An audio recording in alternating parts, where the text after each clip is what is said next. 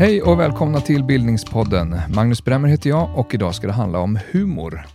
Går det att definiera vad som är roligt? Och har humorn en historia? Med mig i studion för att försöka ge svar på de här frågorna finns Ola Sigurdsson. Varmt välkommen hit. Tack så mycket.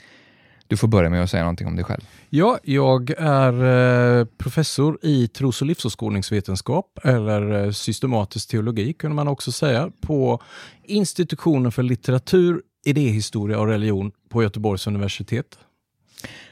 Och du har alltså nyligen utkommit med ett trebandsverk, totalt närmare 1400 sidor om humorns idéhistoria kan man säga. Humorns idéhistoria och filosofi. Mm. Eh, Så det är inte bara historia, utan det är idéhistoria och filosofi och teologi och Mm. massa annat sammanvävt. Gudomliga komedier heter den. Där, där du tecknar historia från antiken till modern tid. Ja.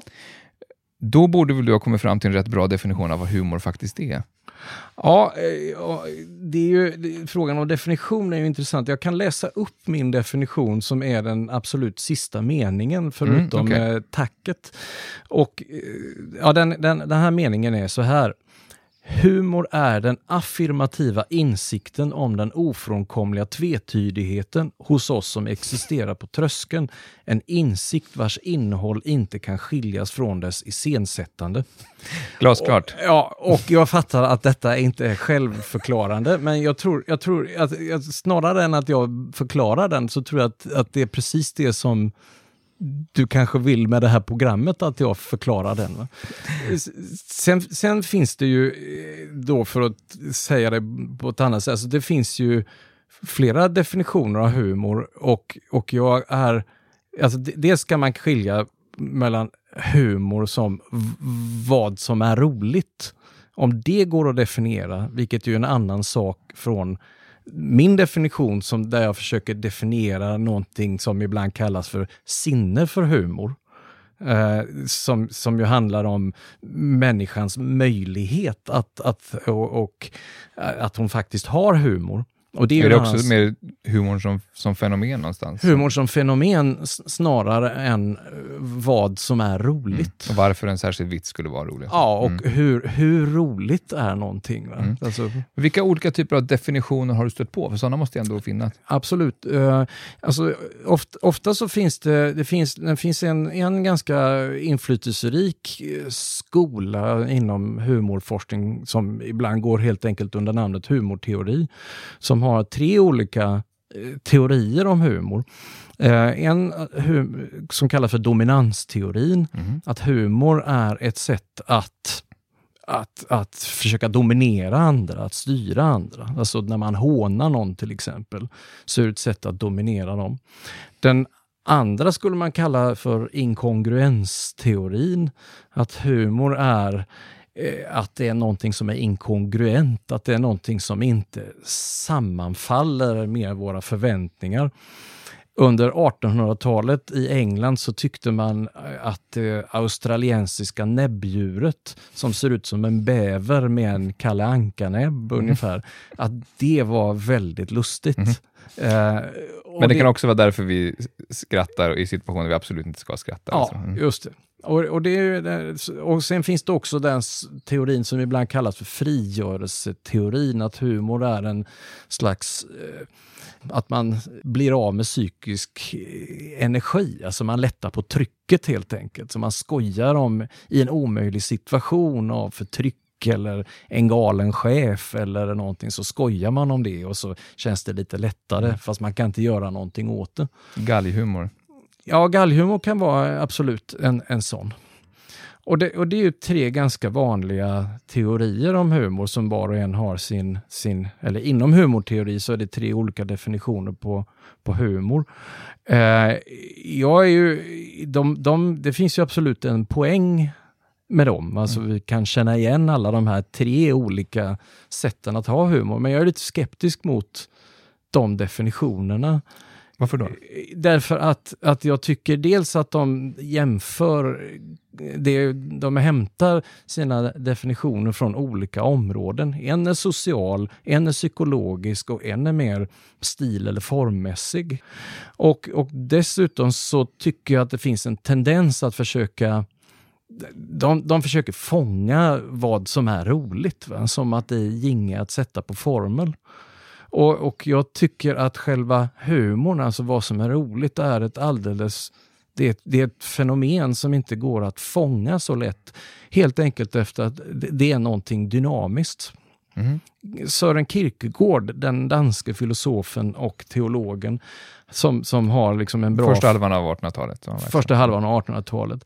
Han har en bra, han har bra formuleringar om allting och i sin bok Avslutande ovetenskaplig efterskrift så försöker han eh, han försöker visa att Aristoteles definition av komedi eh, inte stämmer och det gör, det gör han genom att dra 14 vitsar. Eh, och, och, poängen med att, att göra det är ju egentligen att visa att, att humor är någonting dynamiskt. Och han skriver att han skriver om ironi, att, att det, få som har skrivit om ironi på ett ironiskt sätt, men det är för att det är som att försöka rita av en tomte samtidigt som han tar på sig sin osynlighetshatt. Mm. Alltså det är någonting som försvinner. Okay. Och, och problemet med många definitioner är, av humor är att de försöker alltså, för, att de förstelnar någonting. Mm. När det i själva verket är det här dynamiska, undflyende. Det som, det som inte går att, att, fånga in definition? Det som inte går att fånga in därför att det är levande egentligen mm. och det handlar om timing. Och att bryta förväntningar och, och ja, ja.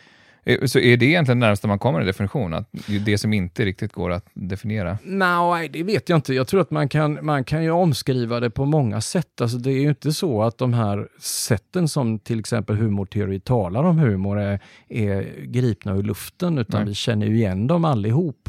Men det som, är, det som du är inne på, den det, sista raden i, i, i ditt trebandsverk som du läste, som jag tänker att vi kan återkomma till, ja. har att göra mer med, med humorns roll i, i detta att vara människa och, ja. och existensen. Jag, jag har ju en fråga som, som går igenom alla tre volymerna och det är vilket slags väsen måste en människa vara för att kunna uppfatta någonting som roligt? Mm. Alltså, och, och då, vad humorteorin egentligen gör, tänker jag, är att man tittar på vad jag kallar för humorns funktioner. Humorn kan ha en retorisk funktion, den kan ha en antagonistisk, en sympatisk och en terapeutisk funktion. Och säkert fler, en underhållande funktion. Och säg något mer om de funktionerna. Ja, alltså den, den retoriska är ju välkänd sedan antiken. Eh, att man för att fånga sina lyssnare så kan man dra en, en vits och, och lyckas man så, så blir de intresserade och, och, och lyssnar vidare. Eh, antagonistisk är att man använder humor för att håna någon. Eh, väldigt vanligt under antiken, också väldigt vanligt i vår tid. Humor som sympati, att man försöker, försöker skapa en slags symp sympati mellan människor genom att skratta med andra, som det heter, åt det australiensiska näbbdjuret eller någonting inkongruent. Den terapeutiska funktionen, eh, man har sedan antiken och till vår tid tänkt att ett gott skratt förlänger livet. Eh, och då har man haft olika teorier om varför det är så naturligtvis, men, men det har varit ganska konstant att man tror att humor är hälsobefrämjande. Men i alla dem, det, det, är olika bruk av humor och, och, och, i alla dem så förutsätter man ju någonstans att människan är någon som kan uppfatta någonting som roligt. Så att, så att vad jag är intresserad av också är ju vad, vad är det för slags människa som man förutsätter för att kunna tänka sig att hon kan bruka humor som antagonism, mm. retorik, sympati, terapi, underhållning och så vidare. Vi, vad, vad, är det för slags... Vad, hur, hur kommer det sig att vi kan skratta åt någonting? Och det där tänker jag att vi ska ägna ganska stor del av samtalet åt mm. att reda ut. Men, men menar du också då att, skulle du säga att humorn är ett, ett, ett mänskligt fenomen? Att vi kan säga det här är en av sakerna som definierar människan. Ja, jag, jag, jag tror att, att alltså humor har ju, humor och inte minst komedi har ju alltid betraktas, eller alltid, men väldigt ofta betraktas som någonting lågt. Så i Aristoteles stilhierarki så var ju komedin det låga och tragedin det höga. Men, men inte desto mindre så tror jag att, att komedi och humor och ironi är någonting som säger någonting om vad det är att vara människa. Mm. Eh, på, kan, på djur, kan djur ha humor? Eh, djur, det är, en, det är en jättebra fråga. Jag har funderat på det. Jag tror att djur kan ha någonting som liknar humor. Det beror ju på vilka djur vi pratar om, men, men ju närmare människan de är, desto mer humorliknande är det tror jag. Och att jag säger humorliknande, inte humor, det är för att det, det kan kan vara en slags, vad ska vi kalla en slags mänsklig arrogans att vilja tillskriva dem eller frånskriva dem mm. samma egenskaper som vi. Eh, hund, hundar kanske har humor, men de kanske har en helt annan humor än vi har. Va? De kanske skulle definiera det här på ett helt annat sätt ja, eller hur. Mm. Men alltså, så att, så att, jag tror inte det är ett jag tror inte det är ett mänskligt privilegium, men, men det är definitivt en mänsklig egenskap att kunna ha humor. Mm. Men går det att säga något område som... Går det på något sätt att säga vad humor inte är då? Att, att, att, sätta någon slags gräns för vad vad som kan vara humoristiskt eller vad som ingår i humorns Ja, det gör det väl. Alltså, det, det, jätte, alltså det, mest, det är alltid det är mycket enklare att säga vad som inte ingår i humor eller vad som helst egentligen än, än vad som ingår. Mm. Alltså frågan är, det beror lite grann på vad du menar. Mm, mm i, bottenlös sorg så kanske det inte finns humor, humoristiska element, eller så kanske just där som humorn... När det gäller en botten, om det är en bottenlös sorg mm. så låter det ju som att humorn är långt borta. Ja. Men om det bara är en vanlig sorg så skulle jag säga att humorn kanske inte är långt borta. Jag, okay, men en flytande gräns där någonstans? Det är absolut en flytande mm. gräns och, och som återigen då Kierkegaard säger att den sanna allvaret är en blandning av humor och allvar. Och, mm, vad menar han då? Och då menar han att, att det genuina allvaret måste inte vara helt humorbefriat, mm. utan det finns ett, ett, allvar som kan vara allvar, allvarligt med humor. Mm. Man kan, man kan som skriva... bekräftar allvarets allvarliga natur. Man kan, ja, min, mina böcker är, en, är en allvarlig text om humor. Mm. Eh, men de är förhoppningsvis inte, och det får ju någon annan bedöma, men de är förhoppningsvis inte utan all humor i allt det allvar som jag skriver om Jag har skrattat ganska många gånger när jag läst eh, och, och, och, jag tycker att den här slutraden är, är ju bara delvis representativ för innehållet. Är för att du menar att den, den är bara allvarlig och inte rolig? Den kanske blir ofrivilligt humoristisk. Det är säkert väldigt medvetet humoristiskt på ett annat sätt. Vilken sorts humor uppskattar du själv? Uh, oj, uh, jag... Uh, alla möjliga. Det, det, handlar mycket om situation. Jag, hur, vad, vad för slags humor som, som jag gillar, eller också de allra flesta gillar, tror jag är beroende av situation. Mm. Jag Ja, bland de roligaste saker jag vet är nog när alltså mina kollegor är väldigt roliga och vi har väldigt roligt tillsammans och har nog en slags galghumor som är präglad av vår miljö att, mm. att jobba på en institution på universitetet. Humor är ofta Eh, väldigt ofta en social företeelse. Mm. Och, och vi kan ha, speciellt liksom efter, när det är runt lunch på fredag, kan vi ha ofantligt roligt åt saker som, som kanske inte alla, om någon skulle komma in där mm. så skulle de undra vad det är för ett, vad är det för ett mm. gäng. Liksom. Det är väl beroende av, av sammanhanget? Det är beroende på sammanhanget. Mm. Sen kan jag uppskatta eh, riktigt bra stand-up. Jag kan uppskatta, jag tycker Grotesco är mm. ibland groteskt roliga. Den här humorgruppen eh, SCT. Och, ja, och jag kan också uppskatta Galenskaparna som ju känns som en dokumentär från min barndoms eh, Västergötland. Va? Jag är nog ganska, jag tror att jag är ganska bred. En av de mest mänskliga formerna av vad som är humoristiskt kan väl vara en sån här sak som att att man kan tycka det är kul att se någon ramla. Det ja. känns väldigt internationellt också. Ja. Varför är det roligt? Ja, det finns ju en på, I Platons dialog Theaitetos Mm. så finns ju den här klassiska urscen, det är när den vise Tales, eh, som är filosof, han går och tittar på stjärnorna och ser inte var han sätter fötterna, utan ramlar ner i en brunn. Och så säger den trakiska tjänstekvinnan, så går det med var och en som lever i filosofin. och det där är ju, det är ju liksom människan som slinter på bananskalet. Mm. Och det är ju en slags ur typ för humor som finns med oss ända in i vår tid. Och, och, som man, och den tror jag har att göra med att när det höga och det låga byter plats. Va? Filosofens höga tankar blir, innebär att han blir en drummel helt enkelt. I det här Och det fallet. blir ännu roligare när det finns en kontrast kanske mellan situationen och det dråpliga ja, fallet. Ja, Mm. och, och det finns ju, om, om man ska säga två saker som är roliga genom tiderna, mer eller mindre, så är det å ena sidan professorer, Mm. inklusive den vice Thales och, och, och forskare. Eh, och där tror jag det är det höga och det låga. Det, det är roligare med en, en professor som slinter på bananskalet än ett litet barn som, som slinter på bananskalet. Därför att det är liksom att det höga och det låga möter varandra. Och det andra som är roligt genom tiderna är, är prutthumor. Mm. Det finns exempel på genom tiderna på, på ett, eh, i alla fall för mig, häpnadsväckande sätt. Och det tror jag har att göra med att, att, att prutten gestaltar där frivillighet och ofrivillighet möts, eller natur och kultur om man så vill. Alltså det är ju en, en, ett, ett naturligt förlopp som samtidigt är väldigt kulturellt reglerat. Och när det här möts på ett lite liksom, konstigt sätt så, så uppstår humor av någon anledning. Att, Där är ju också två spår i, i, i din undersökning faktiskt som är viktiga. Dels det här, det finns väldigt många professorsskämt, att göra, lust, lust, göra sig lustig över lärda, också historiska exempel som du tar fram. Mm. Va- varför tror du att så många filosofer också har tyckt att det är så roligt?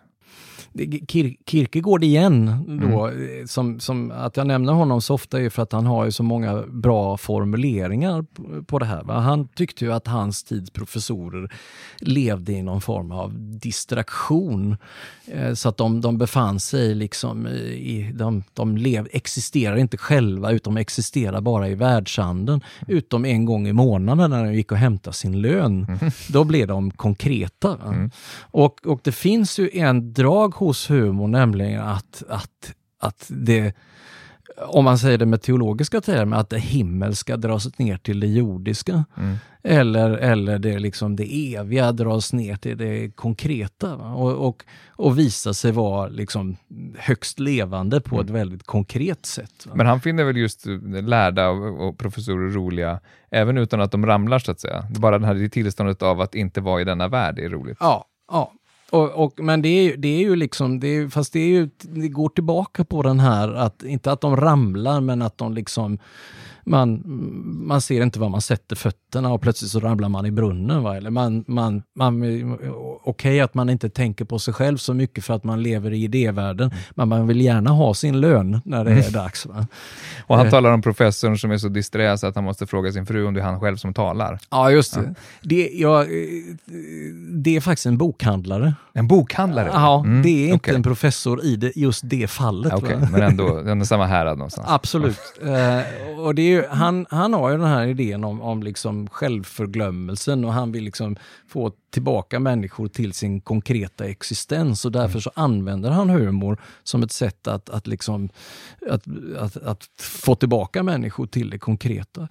Och, och jag, jag, jag, jag tror att det har med den här rörelsen att göra, va? en slags U-form egentligen. Att, att man, man lever i det höga och sen plötsligt så drattar man på ända va? och kommer ner till det låga och sen kan man nå upp till det höga igen men då har det hänt någonting med en. Man är inte samma som man var tidigare. Och den andra dimensionen där, eh, pruttskämten som du nämner, dels har du förstås med underbälteshumor som kanske har gått hem i alla tider, men också detta med avsaknad av en kontroll. Det här är viktigt i, din, Ja, i, i, ja. i, ditt sökande efter eh, hu- humorn som mänskligt fenomen. Var, varför är det viktigt? Det, det är viktigt därför att jag, jag tror att, att eh, det, och det är ju en lite grann av tesen då eh, om, som handlar om just människa, vad det är att vara människa. Va? Att, att vara människa är inte bara eh, att ha kontroll. Som ju, I vår tid så handlar det ju väldigt mycket om att ha kontroll och, och, och så vidare. Men, men humorn exponerar oss för en dimension där vi inte kontrollerar. Antingen för att vi skrattar så att vi tappar fattningen.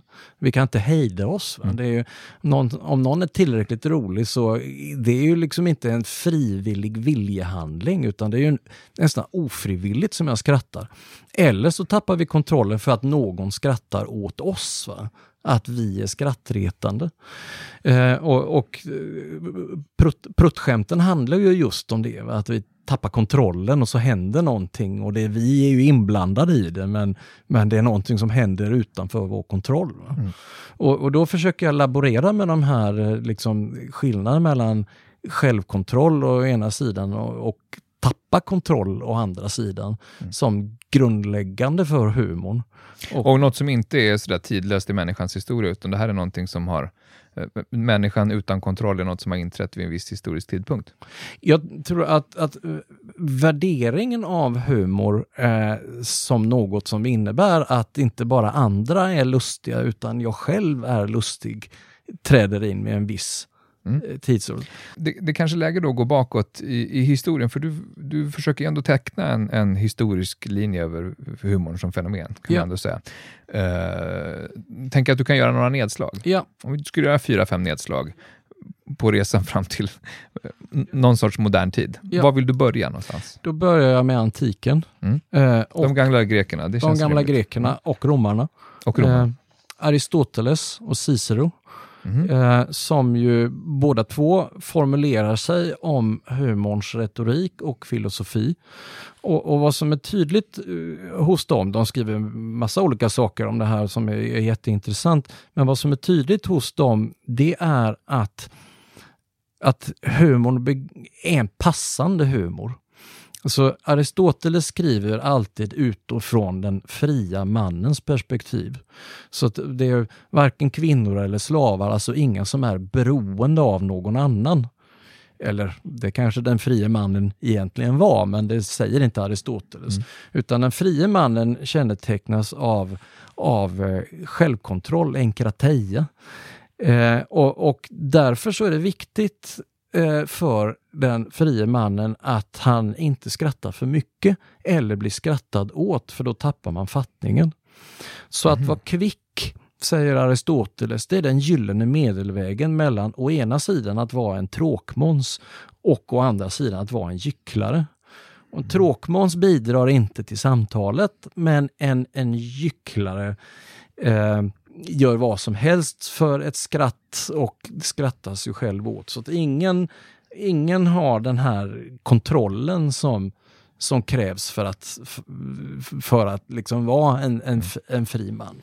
Så, så redan här identifieras någonting med, med humorn kopplas till, till, till förlusten av kontroll redan i antiken. Ja, fast på ett negativt sätt så Mm. att säga, att man ska undvika att tappa kontrollen. Och det här skriver ju Cicero också om. Och, och, och det här är ju deras idéer om det kvicka. Alltså sen, sen kan man ju fundera på om, om det verkligen såg ut så här i praktiken. Det är ju inte, det är ju inte säkert, va? men det här är vad de säger om humor och humorns gränser i alla fall. Men finns det vitsar eh, från antiken? Ja, det gör det. Det finns en vitssamling eh, som heter eh, Filogelos, alltså ungefär Skrattvännen, som kom ut, en, eller kom ut eh, alltså 200-talet efter Kristus om jag minns rätt. Eh, och, och det är ju en vitssamling eh, och den går ju säkert tillbaka på äldre källor. Va? Så att det, det finns ju eh, enligt vad jag har läst så, ha, så var Cicero var, var, var rolig så att hans sekreterare sammanställde en vitsbok från Ciceros tal efter eh, hans död, om jag minns rätt. Vad, vad kan det handla om för? Har du något material från? Ja, Vilka eh, typer av vitsar handlar det om? det, den här, den här Filogelos är ju om man har haft pojkar i typ 10-12 års åldern som har fått tag på vitsböcker. Mm. Eh, och de ska läsa det för sina föräldrar, de här vitsarna som står och gärna en 20-30 stycken. Mm. och sådär. Det är den typen av vitsar, alltså de är lit, lite obscena, fast inte mycket obscena. Jag blev rätt paff när jag läste detta för att det, på ett sätt så var det så igenkännbart och samtidigt så var det ju inte jätte jättekul. Va? Fast det kanske det var då, för att, för att den, den kulturella horisonten förändras ju. Va? Men, men, Handlar det där också om att, att vad som är tillåtet att säga i en viss tid? Ja. Att det här kanske tangerar en gräns som ja. vi idag inte skulle uppfatta på samma sätt? Så kan det vara, och, och det handlar ju för, för vitsar, de ska ju tänja lite på gränserna hela tiden.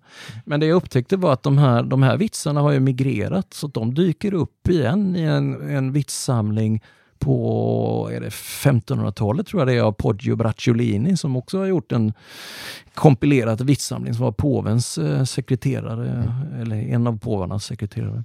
Men på, på din, eh, din historiska linje som handlar väldigt mycket om detta med att se när just människans förlust av kontrollen ja. över sig själv. Vad, vad är nästa steg nedslag? Två är, eh, steg två är Bibeln.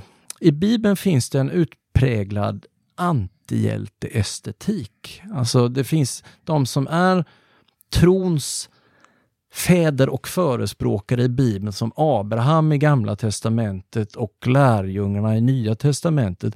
De är inga hjältar utan de är antihjältar som missförstår, misslyckas, gör fel, ljuger som Petrus gjorde och och, och är på inget sätt några vare sig moraliska eller religiösa ideal.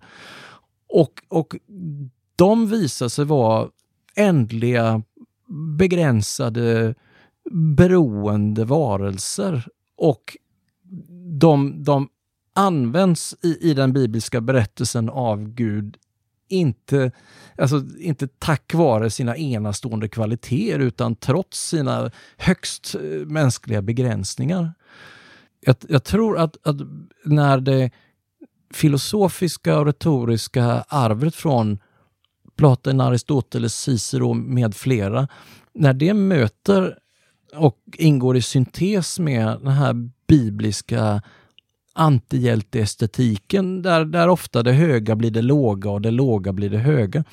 Då uppstår en, en ny syn på vad det är att vara människa som inte definieras i termer av människans kontroll, hennes agens, hennes vilja, utan också genom hennes passivitet, hennes mottagande, hennes, hennes tillkortakommanden mm. som får en större plats i själva föreställningen om det mänskliga.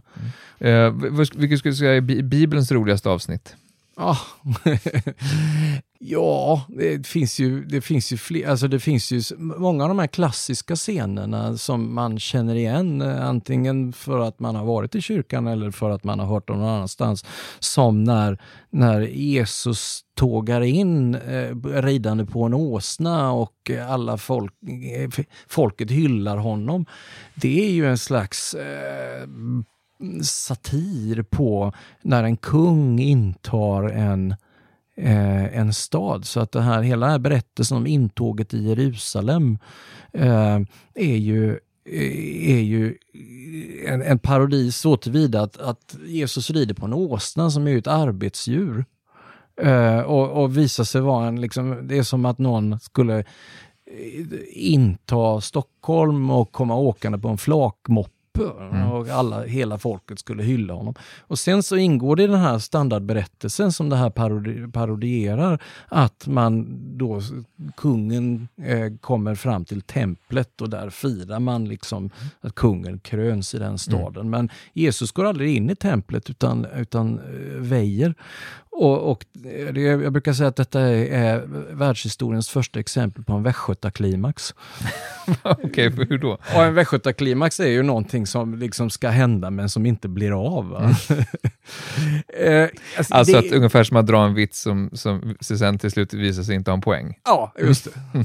och, och, det är ju inte, det är inte, det är inte med nödvändighet jättekul, va? Men, men, men det finns, det finns en, dels finns det en fördom att Bibeln inte har någon humor och, och det tror jag att den har. Och, och det är inte så konstigt därför att all, nästan alla mänskliga dokument eh, har någon form av humor. Alltså det, humor är ett så vanligt fenomen så att det vore jättekonstigt med en så stor textsamling som inte hade någon form av humor. Och Sen finns det massa ordvitsar och det finns massa ironiska berättelser och det finns eh, allt, allt möjligt. Och eh, lik, Jesu liknelser har en vitsstruktur. Mm. Och på, min poäng är inte att, att det här var med våra mått med ett jätte jättekul nödvändigtvis. Men det finns en humoristisk idé någonstans? Det finns en humoristisk mm. idé som, som kommer att få en verkningshistoria mm. just därför att den vänder upp och ner på pers perspektiv. Alltså mm. det höga blir det låga och det låga blir det höga. Nästa nedslag då? Ja, nästa nedslag det blir ju renässansen. När det här förenas. Uh, De tid två tidigare nedslagen? Ja, det här, å ena sidan den, den, den antika formuleringen om vad komedi är och mm. vad kvicket är för någonting lever ju vidare och, och blir en slags stilkanon där komedin är det låga och tragedin är det höga.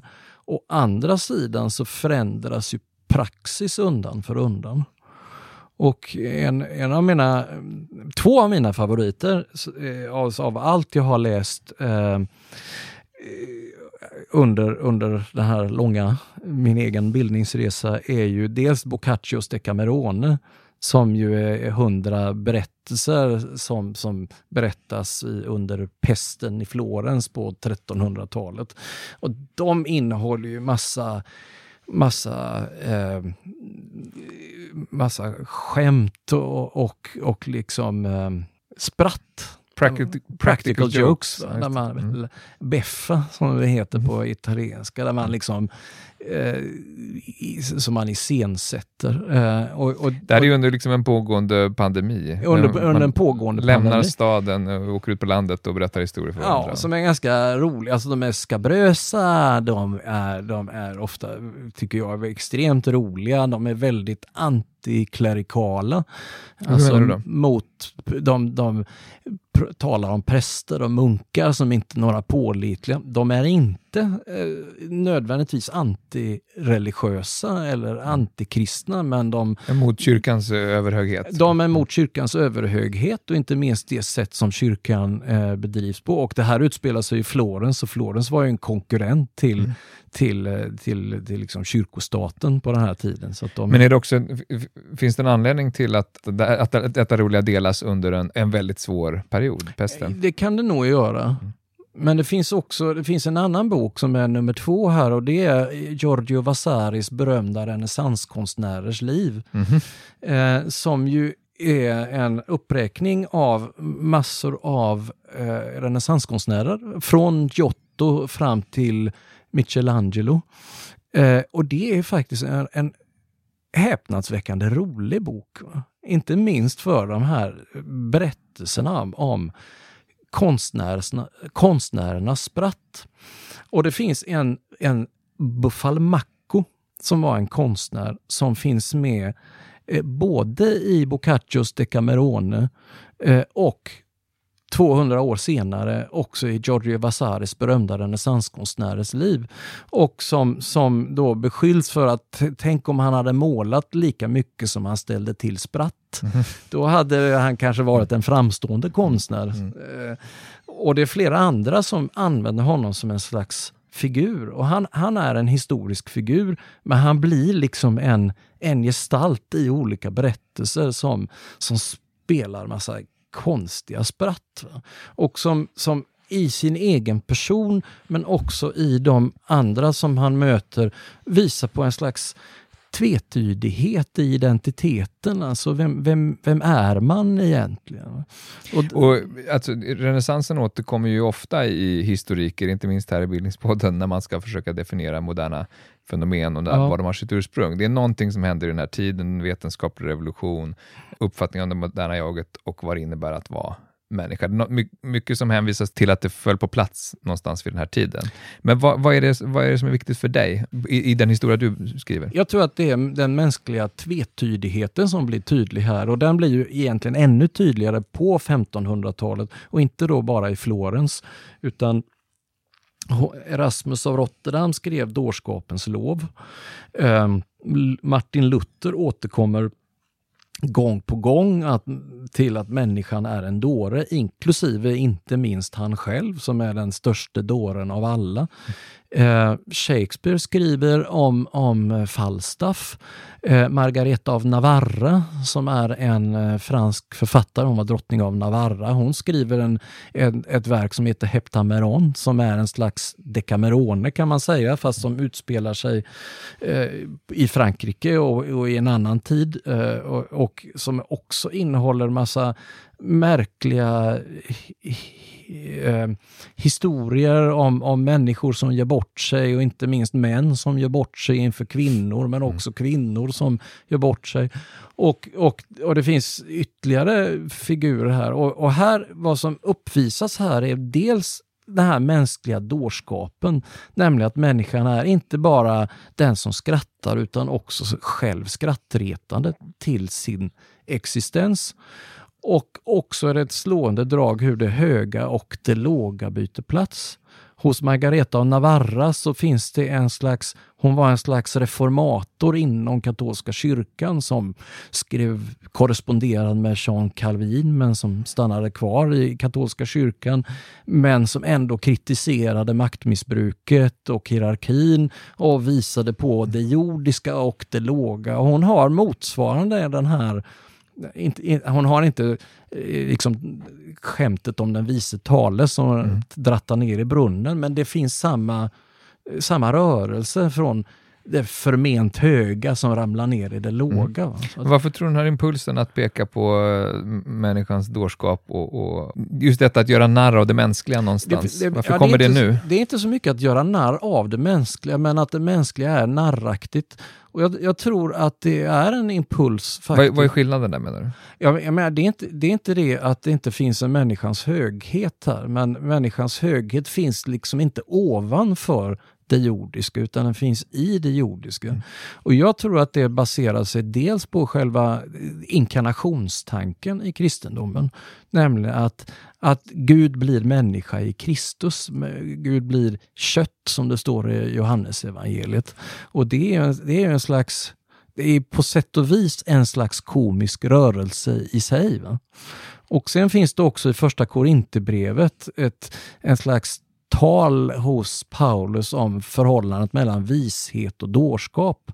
Där, där Paulus talar om korsets dårskap som är något annat än människornas vishet men som är den sanna visheten till skillnad från människornas vishet som egentligen är en dårskap. Och så att det här, det här dåraktiga draget som, som fanns också tidigare eh, i olika ökenfäder och, och det fanns eh, personer som var en slags narrar, alltså heliga personer som var narrar och ställde till besvär för människor helt mm. enkelt, mm. som en slags väckarklocka. Det, det, har plötsligt blivit eh, mer allmänt och det tror jag har att göra med den här förändrade synen på vad det är att vara människa att göra. Att, att det höga och det låga hör samman och inte skiljs åt som, som det gjorde i den här klassiska bemärkelsen mellan skillnaden mellan komedin och tragedin. Nästa nedslag? Nästa nedslag är den tyska romantiken som kanske börjar någonstans i slutet av 1700-talet och sen håller på en bit in på 1800-talet med namn som Kierkegaard som jag har nämnt, men också eh, Friedrich Schlegel, Jean Paul, eh, Carl Solger, eh, Johan Georg Hamann, eh, Kant i hans tredje kritik, men också andra. Här, här blir det ju ett intensivt sysslande med vad de talar om. Alltså dels med ironi och humor och dels det absoluta.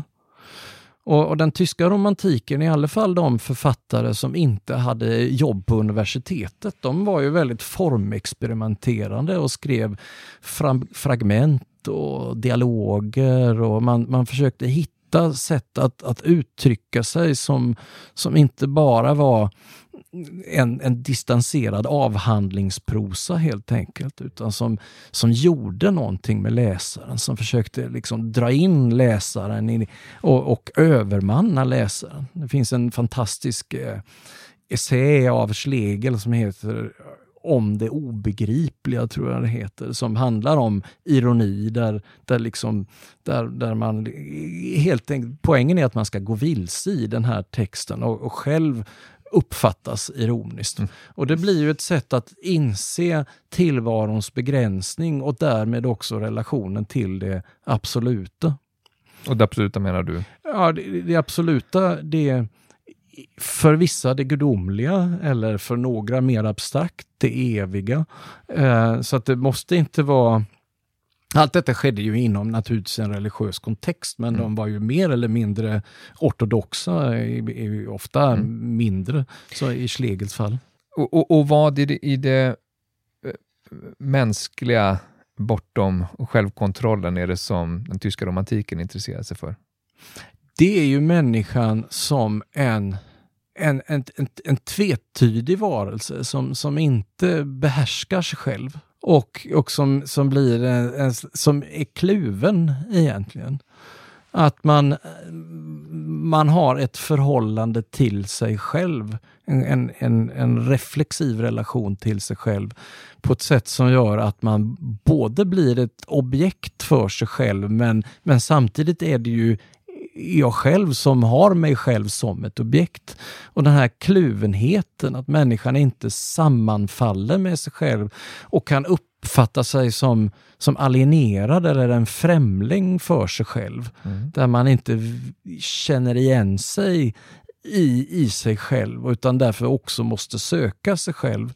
Eh, den expressiva människan som, som måste uttrycka sig själv. Novalis, en poet eh, eh, vid, vid, den här tiden, skriver ju någonstans att eh, män, människan är inte en roman som blir förelagd oss, utan eh, vi är medförfattare till den här romanen själva.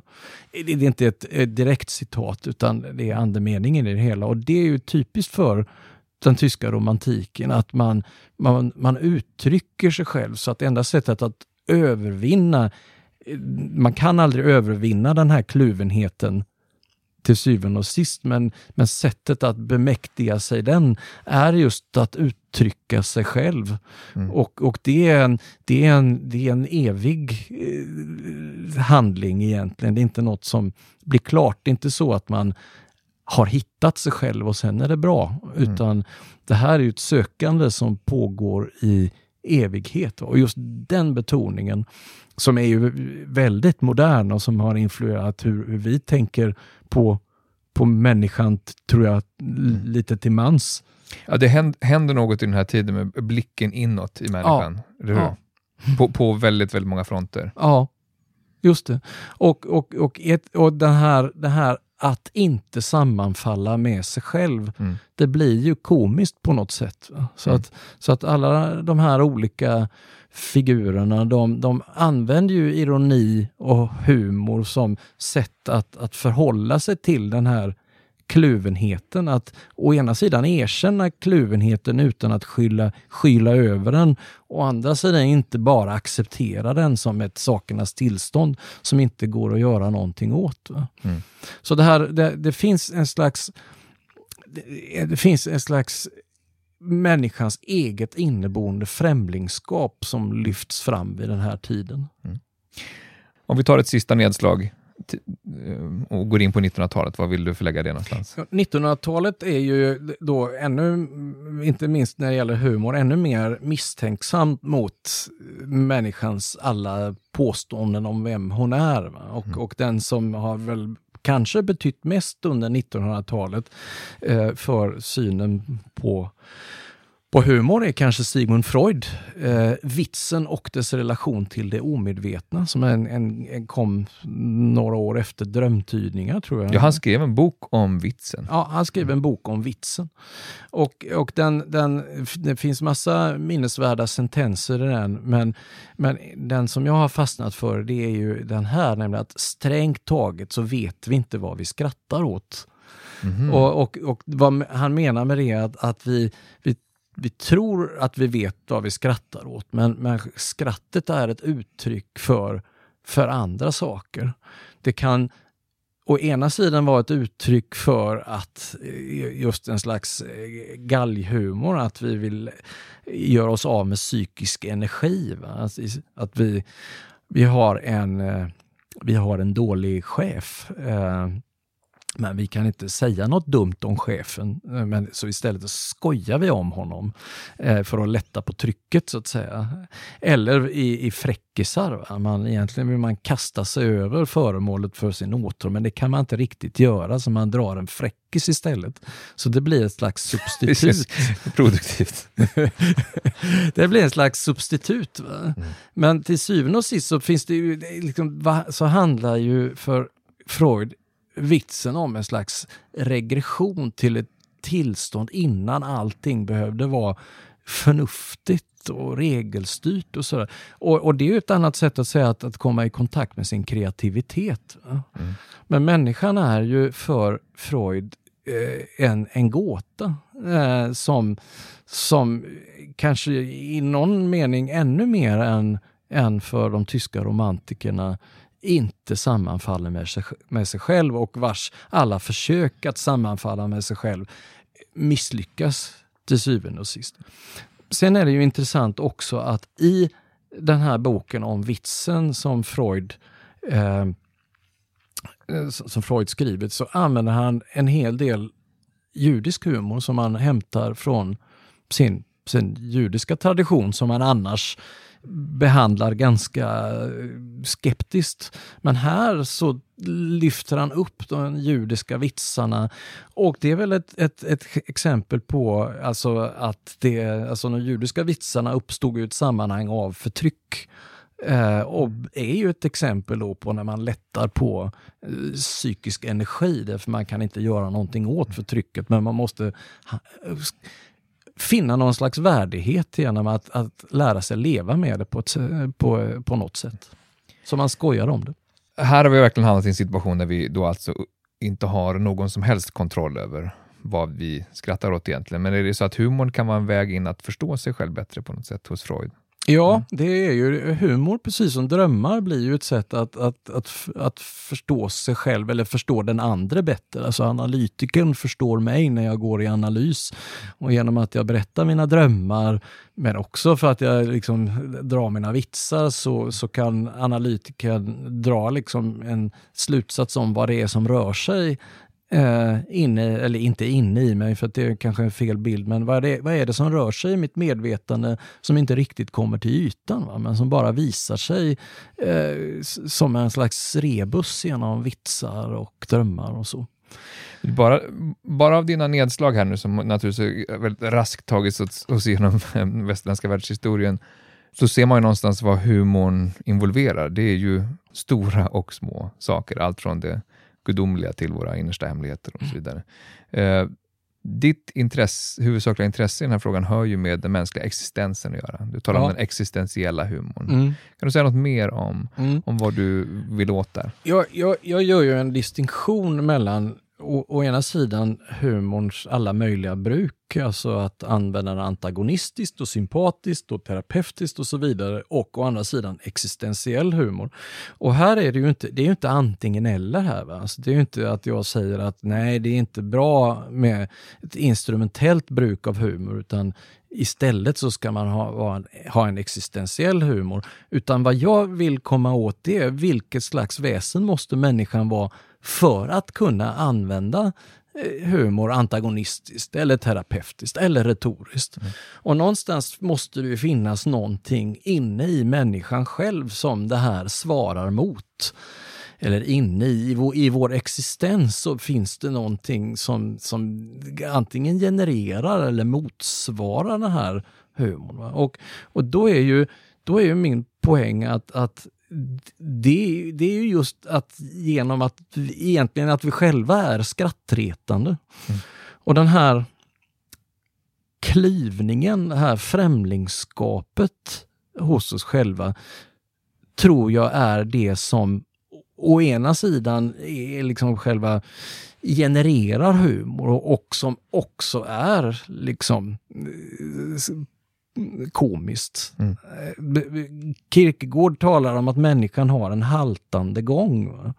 Och det är ju det är en bild på det här tröskelerfarenheten, att, att, att människan är en tröskelvarelse som, som både har en relation till sig själv, men, men givetvis är sig själv, eller som, som lever i skärningspunkten mellan natur och kultur, eller det frivilliga och det ofrivilliga, eller, eller kropp och medvetande och alla de här eller, eller mellan du och jag. Att vi är liksom sociala varelser fast vi är också oss själva.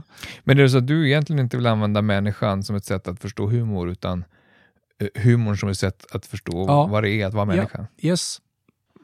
Vad, vad, har humorn fått dig att se om det mänskliga? Du, du, du sysslar ju med eh, trolist och skådningsfrågor dagligen. Ja, eh, det, det, som, det som jag försöker då, eller det som jag har sett och, och, som jag tycker humor är uttryck för, det är just den här erfarenheten av att, att vara porös. Porös? Porös. Mm. Att, att vi, som en vi, tvättsvamp, tänker jag då? En, ja, en tvättsvamp som släpper in yttervärlden i oss, som en bild. Uh, och, och så vi är inte slutna? Utan vi, är inte, vi är inte mm. slutna, vi är liksom inte avgränsade från yttervärlden, utan vi står hela tiden i en slags porös relation. Det är inte så att den bara strömmar genom oss, men, men den sipprar in genom alla de här porerna.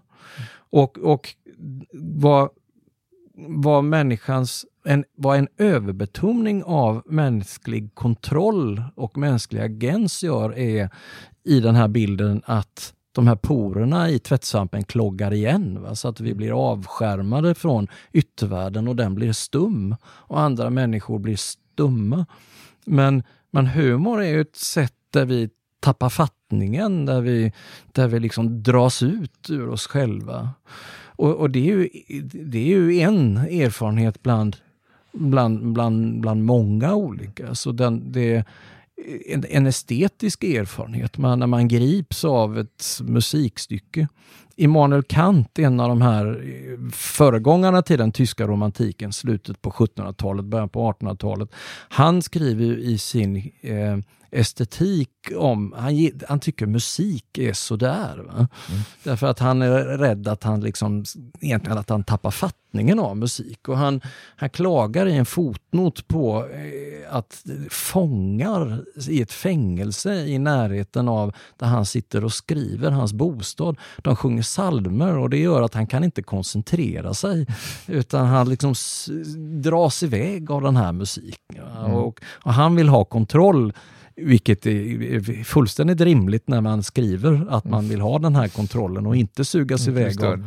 psalmsång eller någon mm. annan mm. sång eller musik. Eh, men, men det visar ju på musikens makt att, att liksom gripa oss på ett sätt som går utanför vår vår viljemässiga kontroll egentligen. Mm. Och det är också besläktat med religiös erfarenhet eller med erfarenhet av kärlek. Som alla, alla är en, en slags transcendenserfarenheter i betydelsen att vi överskrider oss själva. Mm. Att, vi, att vi blir oss själva först i mötet med och genom den andra eller det andra. Och, och, bygger du alltså på, på att någonstans bejaka detta, att tappa kontrollen? Ja, att det finns, finns ett, ett, ett slags, att, att det mänskliga konstitueras av det här. Att, att vi konstituerar inte oss själva utan vi är givna oss själva som en gåva.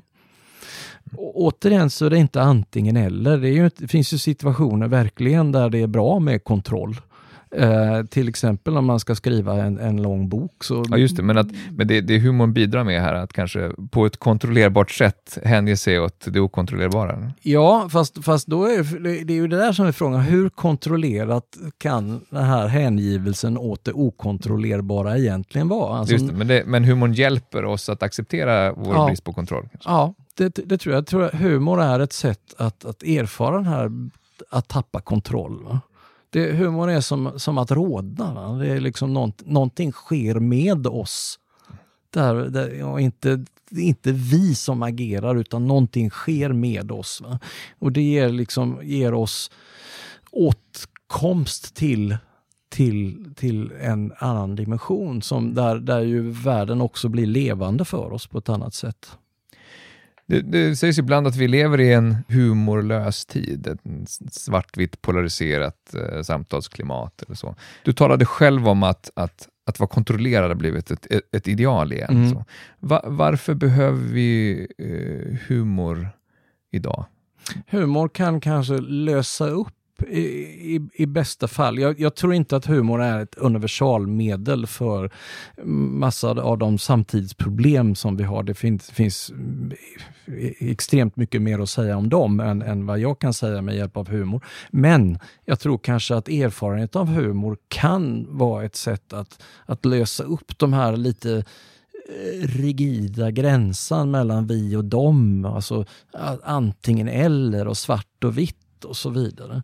Jag tror inte, jag tror inte att, att humor är ett botemedel mot, mot de här, men, men att den här erfarenheten av att tas med ut ur sig själv är ett bidrag till att inte kunna liksom äga sin egen position på ett så entydigt sätt som, som vi ibland påstås ska kunna göra i vår tid.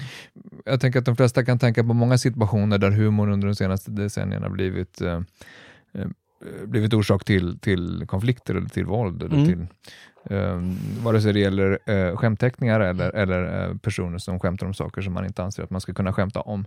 Va, vad tänker du om det?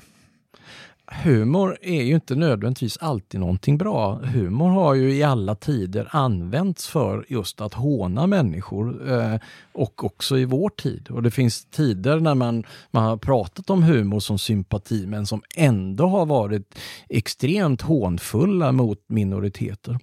Det finns en, en och det där är, det är inte så lätt att avgöra när det är vad egentligen. Det finns en fantastisk avhandling av Lars M Andersson som heter En jude är en jude är en jude. En historiker i Sverige som, som handlar om skämtteckningar av judar 1900 till 1930 eh, som är karikatyrer. Och det är ju inte nazister som har ritat dem, åtminstone inte bara, utan det är människor av, eh, från, som är med i väldigt många olika partier.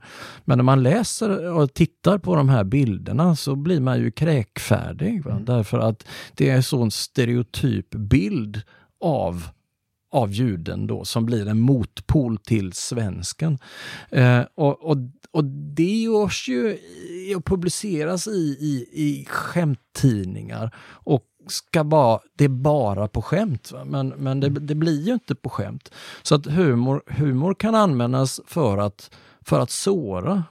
Och, och, och, för att, och i vår tid som ju värderar humor väldigt högt, det finns ju en stor humorindustri, så, så blir ju det också en dubbel anklagelse om man då skulle känna sig träffad och inte tycka mm. det vore roligt. Och att, att, att man dessutom är hum humorlös, mm. som, som inte skrattar åt detta. Mm. Och, det, och det blir en slags dubbel anklagelse för att det är ju, det är ju inom citationstecken bara humor. Men skulle du säga att all, alla kan inte skämta om allt beroende på vem du är?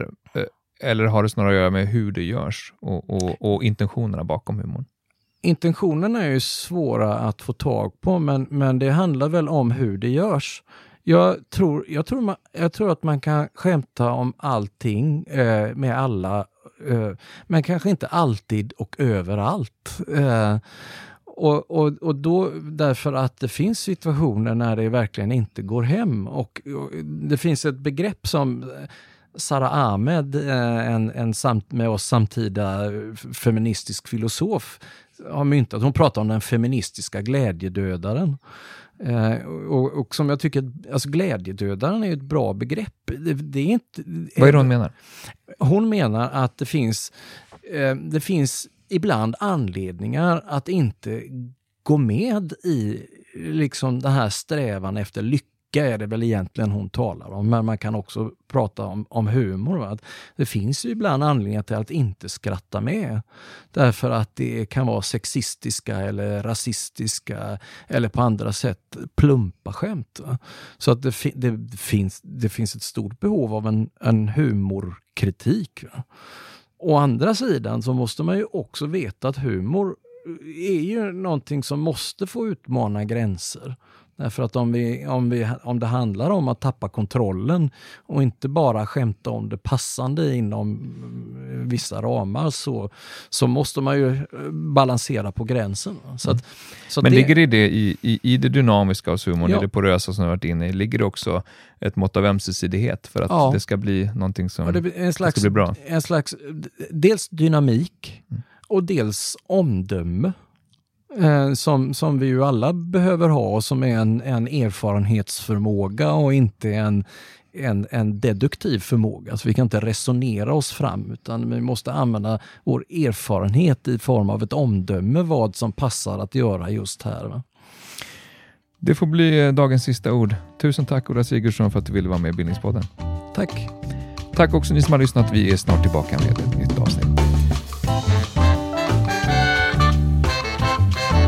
Du har lyssnat på Bildningspodden, en del av bildningsmagasinet Anekdot. Fler poddar, filmer och essäer hittar du på anekdot.se.